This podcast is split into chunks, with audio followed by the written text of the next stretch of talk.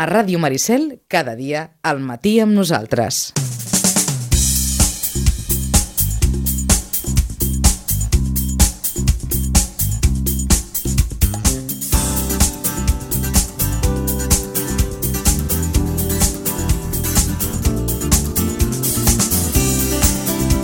Ara mateix les 10 i 24 minuts del matí dedicarem aquesta mitja hora llargueta abans no arribem a les 11 a fer crònica esportiva del cap de setmana.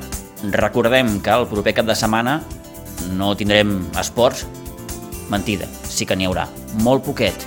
Alguna coseta de rugby i poca cosa més, perquè la resta s'atura degut al Carnaval. Però, sens dubte, avui la millor notícia que ens porta al món de l'esport parla de natació, perquè Toni Ponce, el nedador vilafranquí del Club Natació Sitges, s'ha tornat a brillar amb llum pròpia, com es diu en aquests casos, als campionats de Catalunya de natació adaptada que s'han celebrat aquest darrer cap de setmana. Toni Ponce ha sumat 3 medalles d'or en les proves dels 50 esquena, els 100 braça i els 200 estils, i a més ha assolit el trofeu al millor nedador del campionat, d'aquest campionat de Catalunya de natació adaptada. Bon paper també, per cert, d'en Jaume Monasterio Sella, que va participar a les proves dels 100 esquena, els 50 esquena i els 50 lliures, i el Club Natació Sitges, en definitiva, que va assolir el setè lloc en el còmput global de la classificació amb un total de 17 equips que han participat en aquests campionats de Catalunya.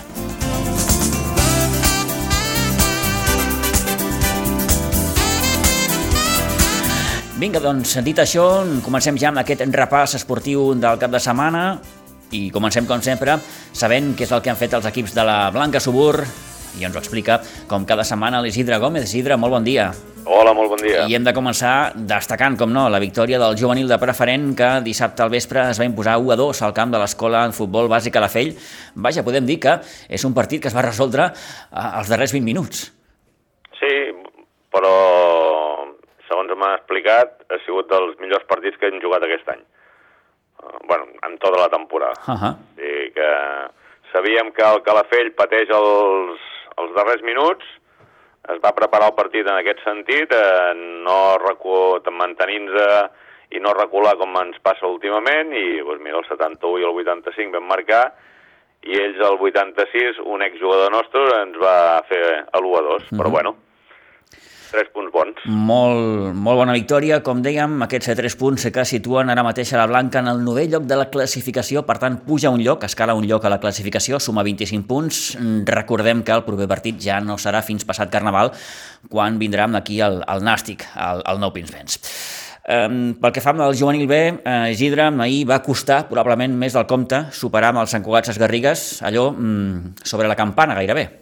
Paraules del Dani, el pitjor partit que hem fet aquesta temporada. Vaja.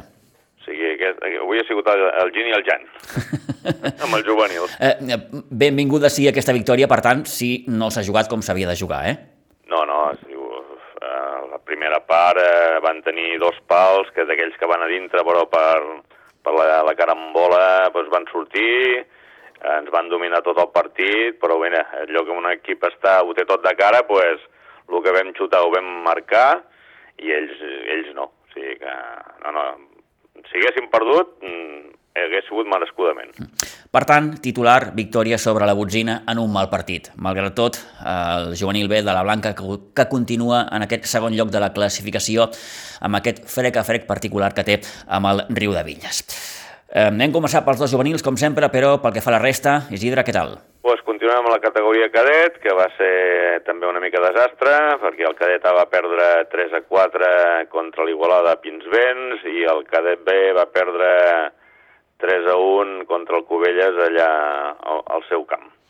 En categoria infantil, l'infantil A va empatar 1 a 1 a Pinsbens contra el Sant Boià, l'infantil B va empatar 2 a 2 eh, contra l'Ateneu Igualadí, allà a Igualada, i finalment l'infantil C va perdre eh, 4 a 2 al municipal de Sant Pere de Rodiovilles. En categoria Levi, la Livia va perdre 7 a 1 al camp del Ribes, a la B va perdre 2 a 4 a Pinsbens contra l'Atlètic Sant Just, el C ens va donar l'alegria, va guanyar 8 a 3 al Vilanova i la Geltrú E a Pinsbens, i finalment el D va perdre 5 a 0 al camp del Mar Bartra 2020, que es va jugar al municipal de l'Espirall. En categoria Benjamí, el Benjamí A va guanyar 4-2 a la penya jove de Roquetes a Pinsbens, el Benjamí B es va imposar 2-3 a l'escola de futbol Gavà allà a Gavà, el Benjamí C va guanyar 3-2 a Pinsbens al Vilanova i la Geltrudé i finalment el D es va imposar 0-9 al, al Sant Cugat Garrigues eh, que es va jugar al seu camp. Uh, pues aquesta setmana ha sigut una mica així... Mm, sí, és sí, la sí. Que, és la que hem penjat una miqueta més, però bueno, encara, encara és una mica positiu. Set victòries, sis, a- sis derrotes, dos empats... Bueno, Bé, a Provarillos, mira, els, els grans i els petits ens han salvat aquesta, aquesta setmana. molt bé, doncs eh, suposo que el cap de setmana que ve en res, no? Res, res. Molt bé. A, a disfrutar el Carnaval i, i tornarem a entrenar, suposo, ja després del, del dimecres de cendres. Sí. Molt bé. Jo, o sigui, un entreno ja per, per competir el cap de setmana. Perfecte, doncs Isidre, moltíssimes gràcies. Eh, bona setmana i bon carnaval, vinga. Gràcies a tots. Adéu-siau. Adéu.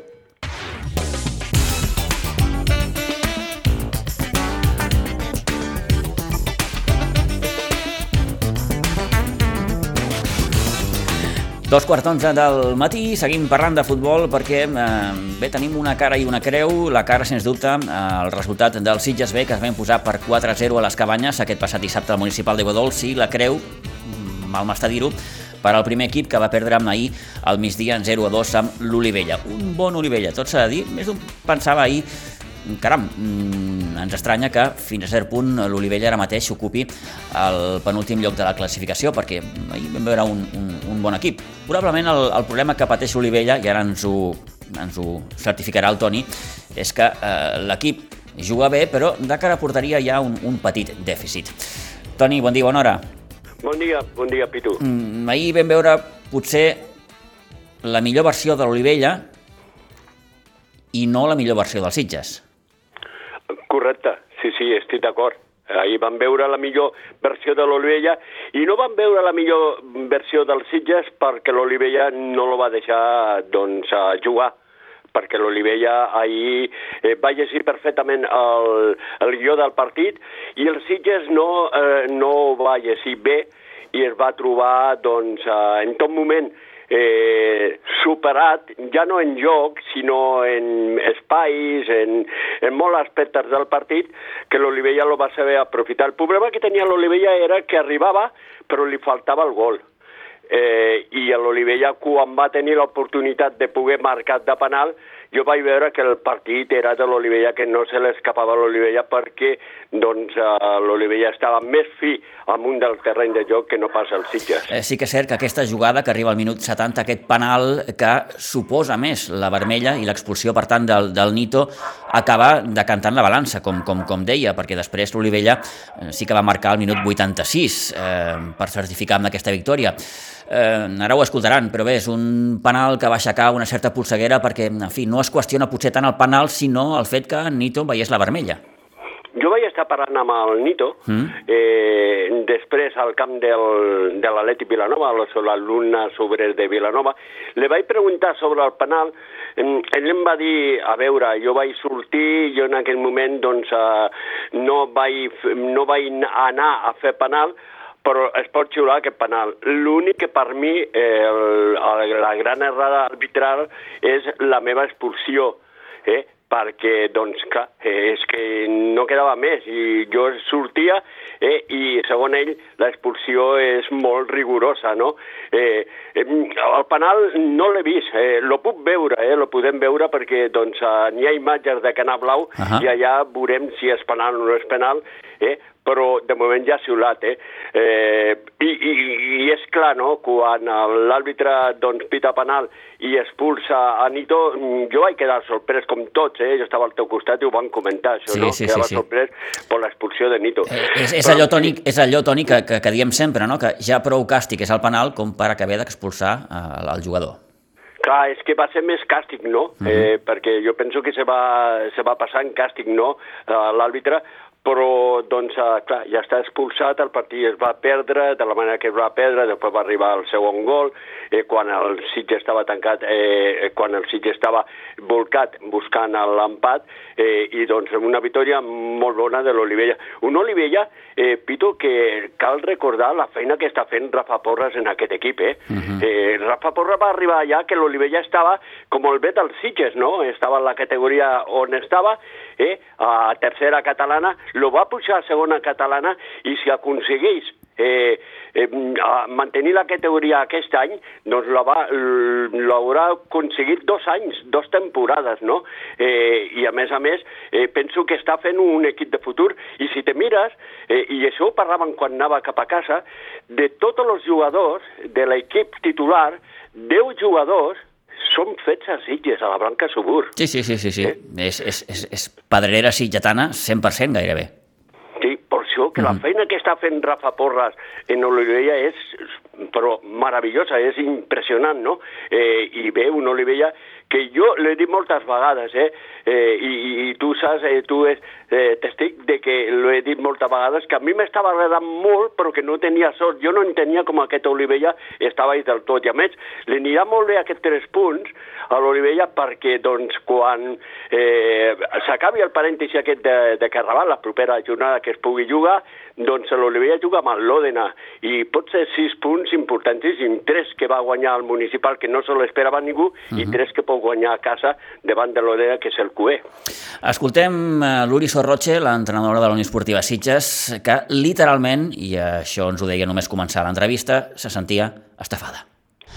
Doncs em sento sincerament estafada realment. És a dir, nosaltres hem generat ocasions, i sobretot a la segona part, que estàvem bastant encaminats i, i començàvem a connectar molt més que la primera part, amb pilotes per dins, eh, on penso que la primera part hem fet un monòleg bastant nostre i, i bueno, teníem arribades no gaire mm, contundents, però bueno, arribàvem i, i necessitàvem un canvi a la segona part i era un canvi de jugar molt més per dins, com hem fet, i, i realment eh, quan millor estàvem ens xiulen un penal que, que, bueno, que probablement és penal però no expulsió, no? El porter es queda quiet en el moment que va colpejar el, el davanter i, i expulsen.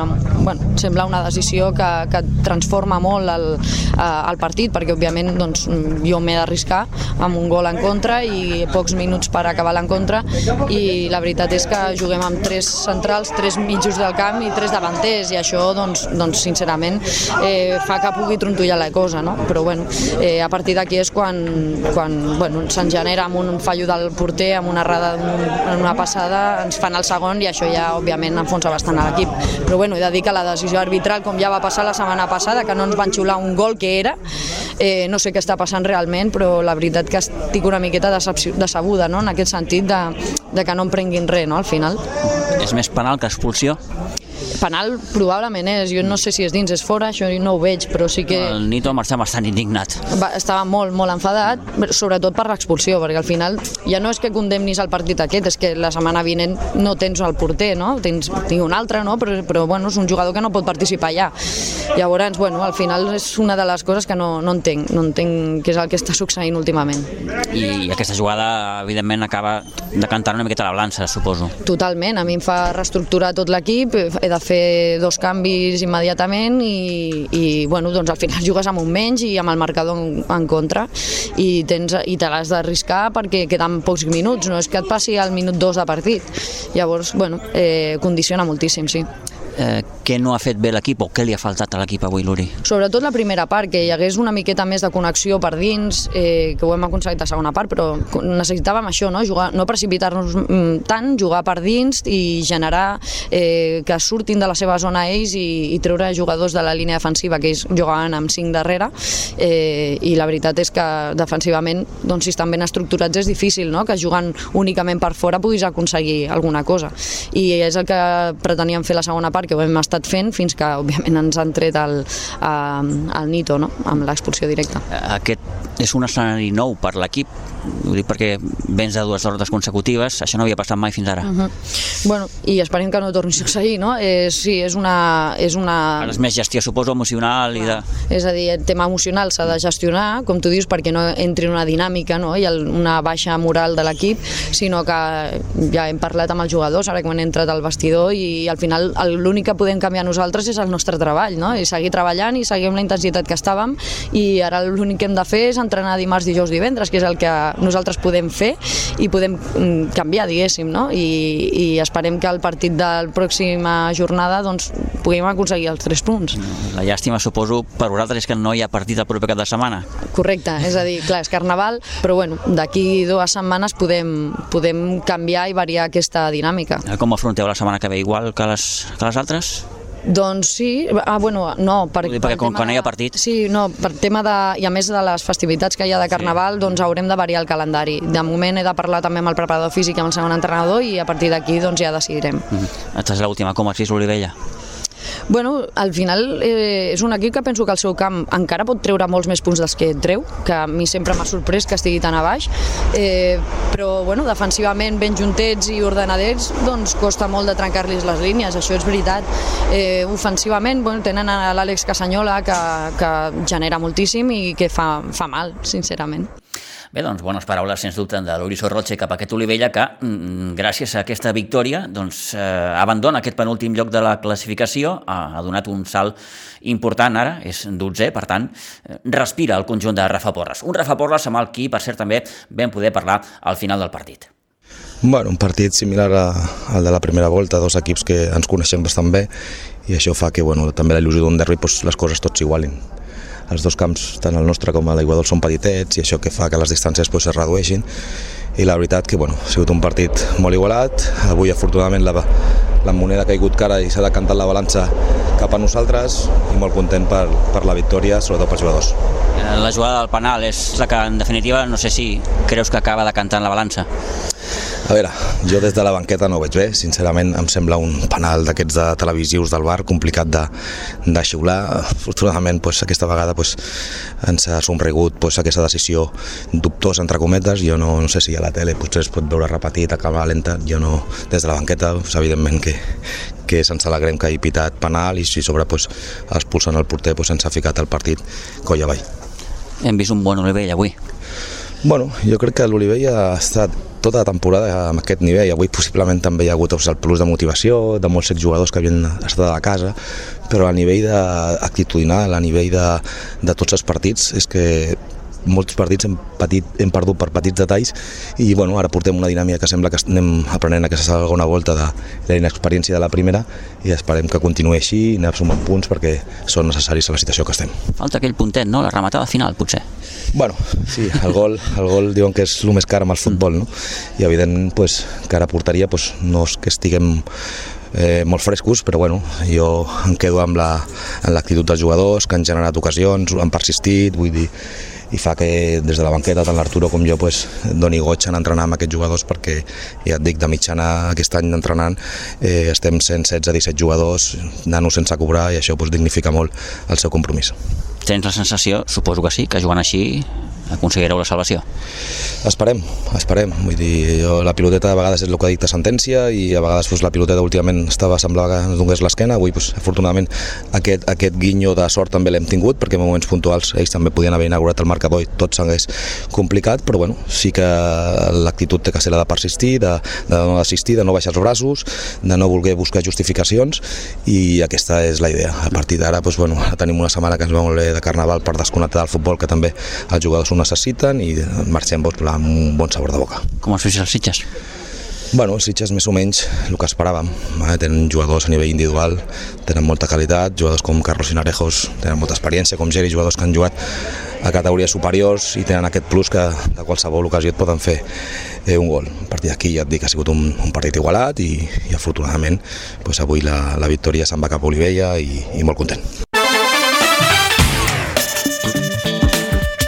Òbviament, Rafa Porres, satisfet per aquesta victòria en 0 a 2 de l'Olivella al municipal d'Aiguadols, en una jornada en què el Sant Mauro mm, no va fallar amb el seu camp i li va fer un 4-0 al Cubelles. Compte, compte, perquè el Cubelles eh, cada cop mira més cap avall, Toni. Sí, sí, sí, sí, eh, teníem molta fe en que pogués fer alguna cosa més el Cubelles a Sant Mauro, però Sant Mauro no perdona casa seva, eh?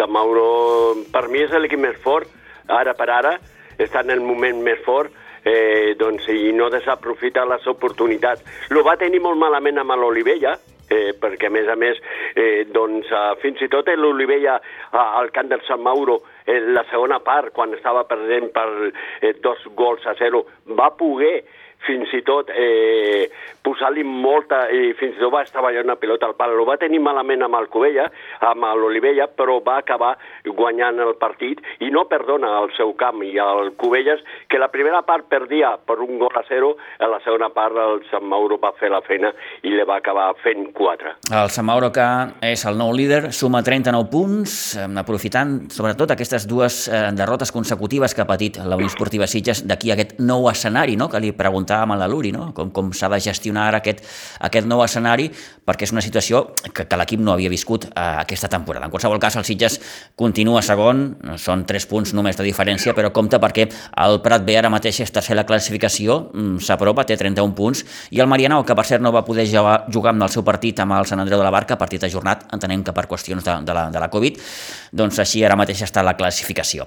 Um, a la tercera catalana, um, bon partit el que va disputar el Sitges B, Toni, dissabte a la tarda aquí a Aiguadols, 4-0 a les Cabanyes. Sí, de fet el Sitges B en aquesta segona volta ha començat molt bé jugant a casa, no? Eh, doncs ja va jugar un bon partit amb el Vilanova del Camí, però li va faltar el gol, eh, i va jugar un bon partit a la Granada i va acabar empatant quan podia haver guanyat tranquil·lament, no? Eh, però, en canvi, aquesta setmana doncs, jugava un bon partit a casa, però acabava golejant a les cabanyes. Unes, unes cabanyes que semblava inferior a l'equip que és perquè el Sitges era molt superior, no? Ja al minut 19, Gianmarco feia l'1 a 0, un Gianmarco que va estar, sobretot en els minuts que va estar al terreny de joc, eh, molt per la feina, eh, va jugar més en col·lectiu, en equip, i això ho va notar molt l'equip i ell també. Eh, en jugada de Gianmarco, Pau Junyent feia el 2 a 0 al minut 23, al 34 de nou Pau Junyent, una molt bona jugada també de Gianmarco, i fent-li el pas de l'amor al Pau Junyent, feia el 3 a 0, i a la segona part, tot i que va tenir ocasions per a marcar eh, més d'un gol més, doncs al minut 70, un home que està entrant molt en el, en el futbol del, de la Unió Esportiva Sitges B, doncs a Alejandro de Pineda feia el definitiu 4-0, però va tenir ocasions als Sitges per fer-li molt més mal al, a les caballes, que es va veure molt inferior als Sitges en aquest partit. Uh, un resultat, aquest 4-0, que confirma la bona línia de, de, de, del conjunt de, de Toni Salido en una jornada, Toni, en la que, vaja, en el partit mm, estel·lar de la, de la jornada, d'aquesta jornada número 20, doncs ens vam quedar sense gols. Empat a 0 entre l'Atleti Vilanova i la Penya Jove. És estrany, en certa manera. Sí, més a més, tots dos equips van tenir ocasions eh, per acabar guanyant el partit i fins i tot jo diria que l'Atleti Vilanova va donar un passet més que la Penya Jova. Va tenir molta dificultat la Penya Jova eh, doncs perquè van marcar molt bé el seu jugador referència, com és Carlos Contreras, i ahir la Penya Jova no donava aquella sensació d'equip eh, que fa molta mal als rivals, no? Ahir es va trobar un equip que sap el que juga allà, que jo penso que l'aportació del Sigor a l'equip l'ha anat com anell al dit a aquest equip. Ara juga molt col·lectivament i ahir fins i tot eh, a, a les acaballes del partit l'Atleti Vilanova va tenir una ocasió claríssima per acabar guanyant el partit, però ja el, un dels destacats, el porter de la Penya Jova, va estar molt acertat i per això no va entrar la pilota. Al, al final, repartiment de punts, per la Penya Jova ja li va haver aquest empat, eh, per l'Atleti Vilanova també, perquè és un repartiment de punts, no? l'Atleti Vilanova que continuen sumant i a espera de que doncs, quan la setmana després de Carnaval n'hi ha mm, dos enfrontaments impressionants, no? perquè la Penya Jova rep els Sitges, compta amb aquests Sitges, uh -huh. que pot fer molt de mal al camp de la Penya Jova, perquè el Sitges és un equip que no es cansa mai eh, i està jugant tots els minuts al màxim, eh, fent aquella pressió a la pilota, a la sortida de pilota, i eh, per l'altra banda n'hi ha un Ribas Atlètic Vilanova, Vull dir que tenim dos derbis en una jornada impressionants. déu nhi quan passi el Carnaval ens trobarem amb aquests dos autèntics eh, partidarros. Escoltem Toni Salido, el tècnic del Sitges B, òbviament, satisfet després d'aquesta victòria 4-0 amb les cabanyes. Pues sí, muy contento, muy contento porque hemos seguido con nuestra línea de, intentar salir jugando eh, y además hemos generado mucho peligro. Entonces, cuando generas peligro y encima lo van metiendo goles, pues, pues se nos ha puesto el partido muy de cara con, con el 3-0 y la verdad que, que muy contento porque al final aún con, con, los goles a favor, hemos seguido apretando, hemos robado muy arriba, en la segunda parte hemos llegado también muchísimo, que podíamos haber metido más de un gol, y entonces en líneas generales muy bien, defensivamente muy bien, hemos otra vez la portería cero, que creo que, que, que es muy importante para nosotros tener continuidad con la portería cero, y, y vuelvo a repetir, muy satisfecho de los chavales. Tu pots eh, presentar el partit, tu pots dir-li als jugadors com tenen que jugar, eh, però els que tenen que llegir el partit són ells. I avui l'han llegit a la perfecció, com tenien que sortir, el toque de pilota, eh, doncs molt bé al mig del camp, i buscar les bandes, i així doncs, ha arribat eh, una primera part que ha més fins i tot més gols. Eh? Sí, no, la verdad que, que, bueno, solemos plantear los partidos dependiendo del rival. Eh, nosotros no, nos estamos amoldando muy bien en cambios de sistema, dependiendo cómo juega el rival y, y, y sobre todo teniendo nuestra, nuestro criterio, ¿no? nuestra personalidad de, tener la pelota, de intentar salir. Hay días que, de, que están mejor con la pelota y otros días que no, pero lo intentan, le ponen voluntad y tienen ganas de mejorar y eso es lo que nos queda eh, de satisfacción satisfacción, ¿no? O sea, cada partido, ganes o pierdas, los chavales lo, lo, lo, lo intentan e intentan hacer lo que les pedimos y, y la verdad que, que contento con ello.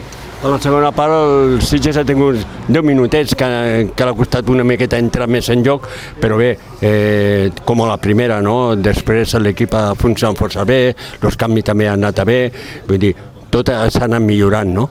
Sí, bueno, creo que los 10 minutos eso físicamente en el medio del campo hemos bajado un poquito y bueno, a, a raíz de, los cambios eh, hemos vuelto otra vez a coger, a coger nivel y, la verdad que, que, muy bien porque hemos tenido controlado totalmente el partido, alguna jugada aislada pero poco peligro y la verdad que, que, hemos salido muy bien, hemos tenido mucho la pelota y, y la verdad que un partido muy, muy completo. Doncs Toni Salido, una pregunta del Toni Muñoz, el Toni que li preguntava també sobre la poca presència, Toni, de, de, de, de públic al municipal d'Iguadols dissabte, oi? Sí, sí, sí. Realment això és lo lamentable, no? Eh, estem acostumats, perquè tu saps que Sitges, doncs, eh, costa molt la gent que va ser al municipal, eh, eh, però és que el dissabte era mm, molt sí, poca gent. Molt obvi, era... molt obvi que, que hi havia molt, molt, molt poca presència d'afeccionats, Toni Salido, que, que, que, que, que és conscient, òbviament, d'aquesta realitat i ja deia que ell ja ho va viure, això, quan era jugador. Sí, per tant, sí. és conscient que Aiguadols no és un camp que plegui gent. Sí, el que passa que he anat a menys, he anat a menys sobretot quan juga el B, perquè fins i tot parlàvem amb pares, eh, dos pares, eh, una mare i un pare de, de, de jugadors, que eh, inclús deien, és es que no venen ni los pares, és que podien venir los pares, almenys Ja. serien més, és que l'altre dia érem set persones, eh? eh? La gent que hi havia més era potser de les cabanyes, però de Sitges érem res, comptats. Uh -huh. Bé, doncs aquesta jornada que ens ha deixat també, en recordem la victòria del Ribes 3 a 4 al camp del Montbui, eh, l'empat a 0 que ja comentàvem ara fa uns moments entre l'Atleti Vilanova i la Penya Jove, el Vilanova del Camí que li va fer 1 a 7 a la Pobla de Claramunt, això traduït a nivell de classificació, doncs la Penya Jove que continua líder amb 49 punts, 42 pel Ribes que és segon, Atleti Vilanova tercer amb 38, el Vilanova del Camí se situa quart amb 36 i el Sitges B cinquè amb 35. I atenció perquè quan passi el Carnaval, com ens apuntava Antoni, eh, tenim una jornada, mm, vaja, mm, molt bona, eh, perquè tenim un penya jove a Sitges B. Sí, sí, sí.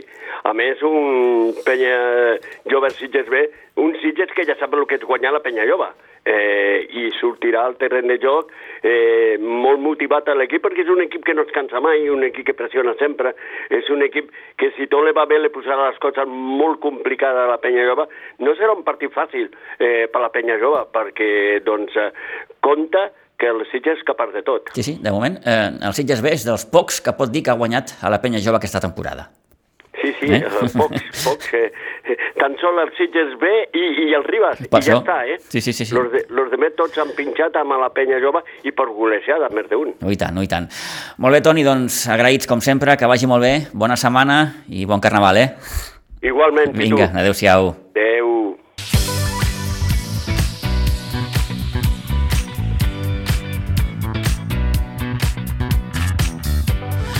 Seguim endavant fent crònica esportiva d'aquest cap de setmana previ al Carnaval. En bàsquet eh, destaquem, com no, la victòria del bàsquet Sitges que es va imposar a la pista del Club Bàsquet Valls per 59 a 85. A la mitja part, el conjunt de Balta Molina que ja dominava d'11 punts per 29 a 40 en l'apartat anotador. Àngel Miguel Sanz, de nou, màxim anotador amb 18 punts, 17 punts va anotar Omar Tiam i 16 Oriol Camproví. Um, I atenció perquè ara el, el bàsquet de Sitges li ve un, un petit turmalet mm, i un reguitzell d'enfrontaments contra, contra equips de Reus, perquè ho anotem. Partit contra el Reus Deportiu, dissabte de Carnaval, dissabte 26 a partir de les 8 del vespre, és un dels quatre partits ajornats que té el Sitges. Després jugarem el divendres 4 de març aquí a Pinsbens a partir de les 9 de la nit contra el Saller Reus. Aquest és un altre dels partits pendents. I en partit de Lliga, normal i corrent, contra el Manyanet Reus el 6 de març, a partir de 3 quarts de 6 aquí a Pinsbens. Per tant, triple enfrontament amb equips de Reus, repetim, dissabte 26, el 4 de març i el 6 de març. Destaquem també d'aquesta jornada del món del bàsquet la derrota del sènior B, 57 a 59 per un pèl aquí a Pinsbens davant el Llafia B. En canvi, destaquem també la victòria del sènior femení que es va imposar per 32 a 37 a la pista del Sant Sadurní.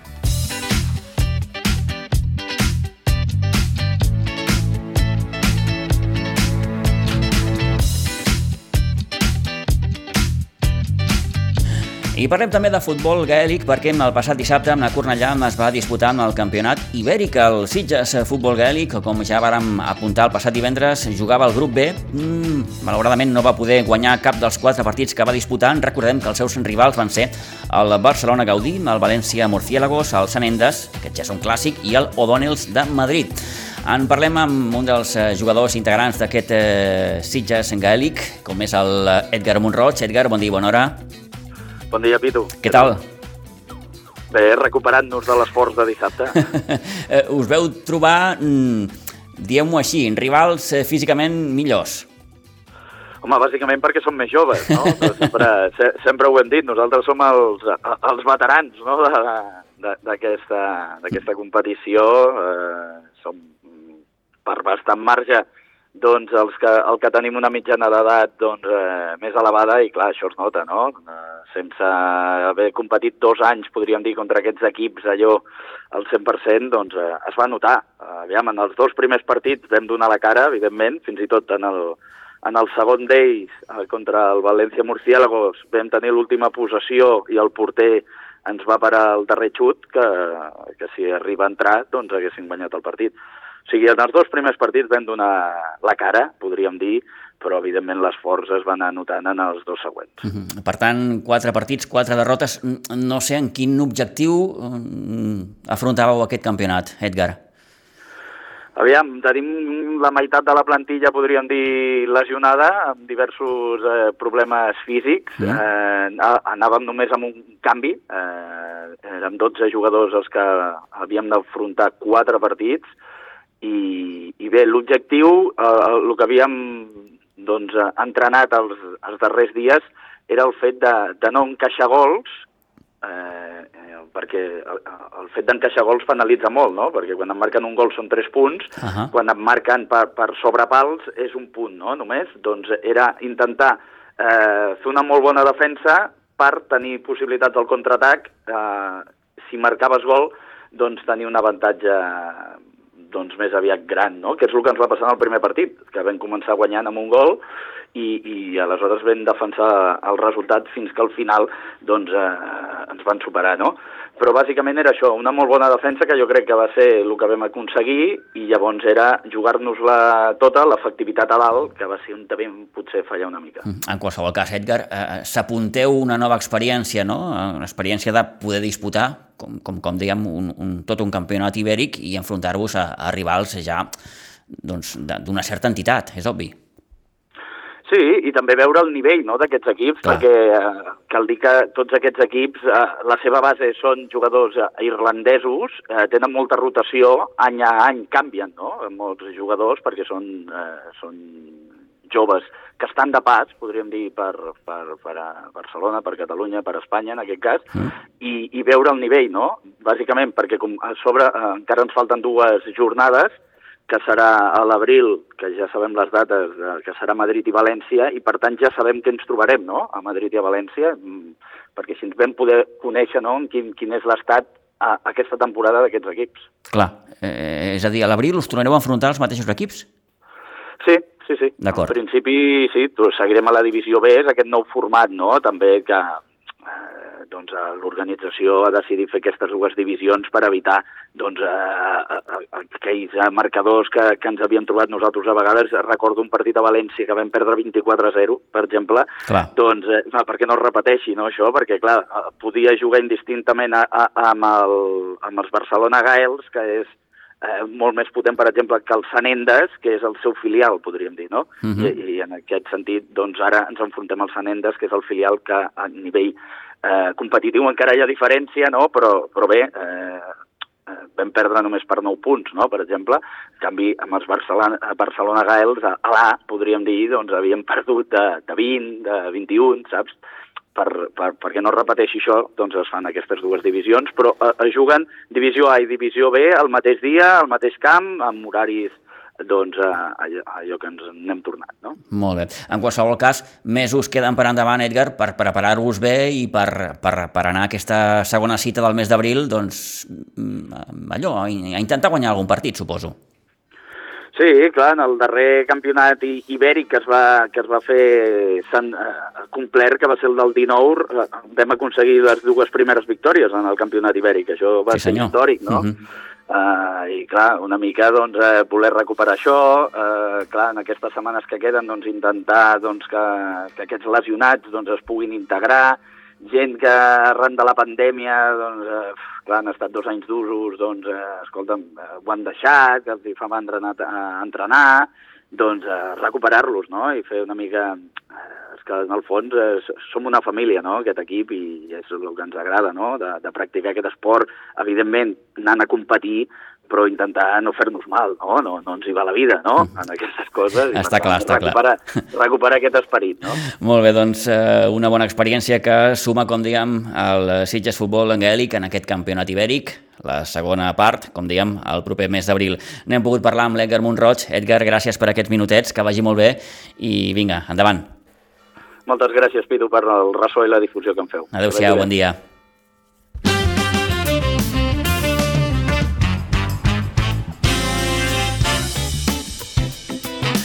Vinga, doncs, 11 i un minut. D'aquí uns moments anem a patar de nou al Carnaval, amb l'arribada de Sitges de la Reina del Carnaval i també el concurs de mestres xatonaires, però mm, abans ens ho permetran molt ràpidament alguns apunts finals ja de la crònica esportiva.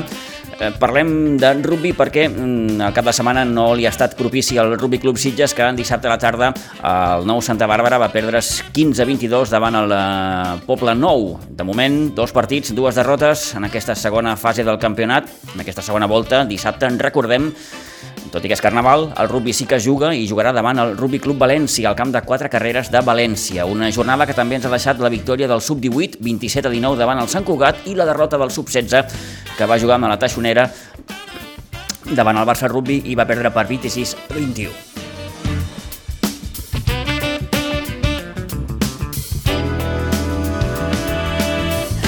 Ai, que m'ho feu. En fi, eh, okay, patins, eh, i amb això acabem. Aquest proper cap de setmana comença la segona fase de la competició amb la primera catalana.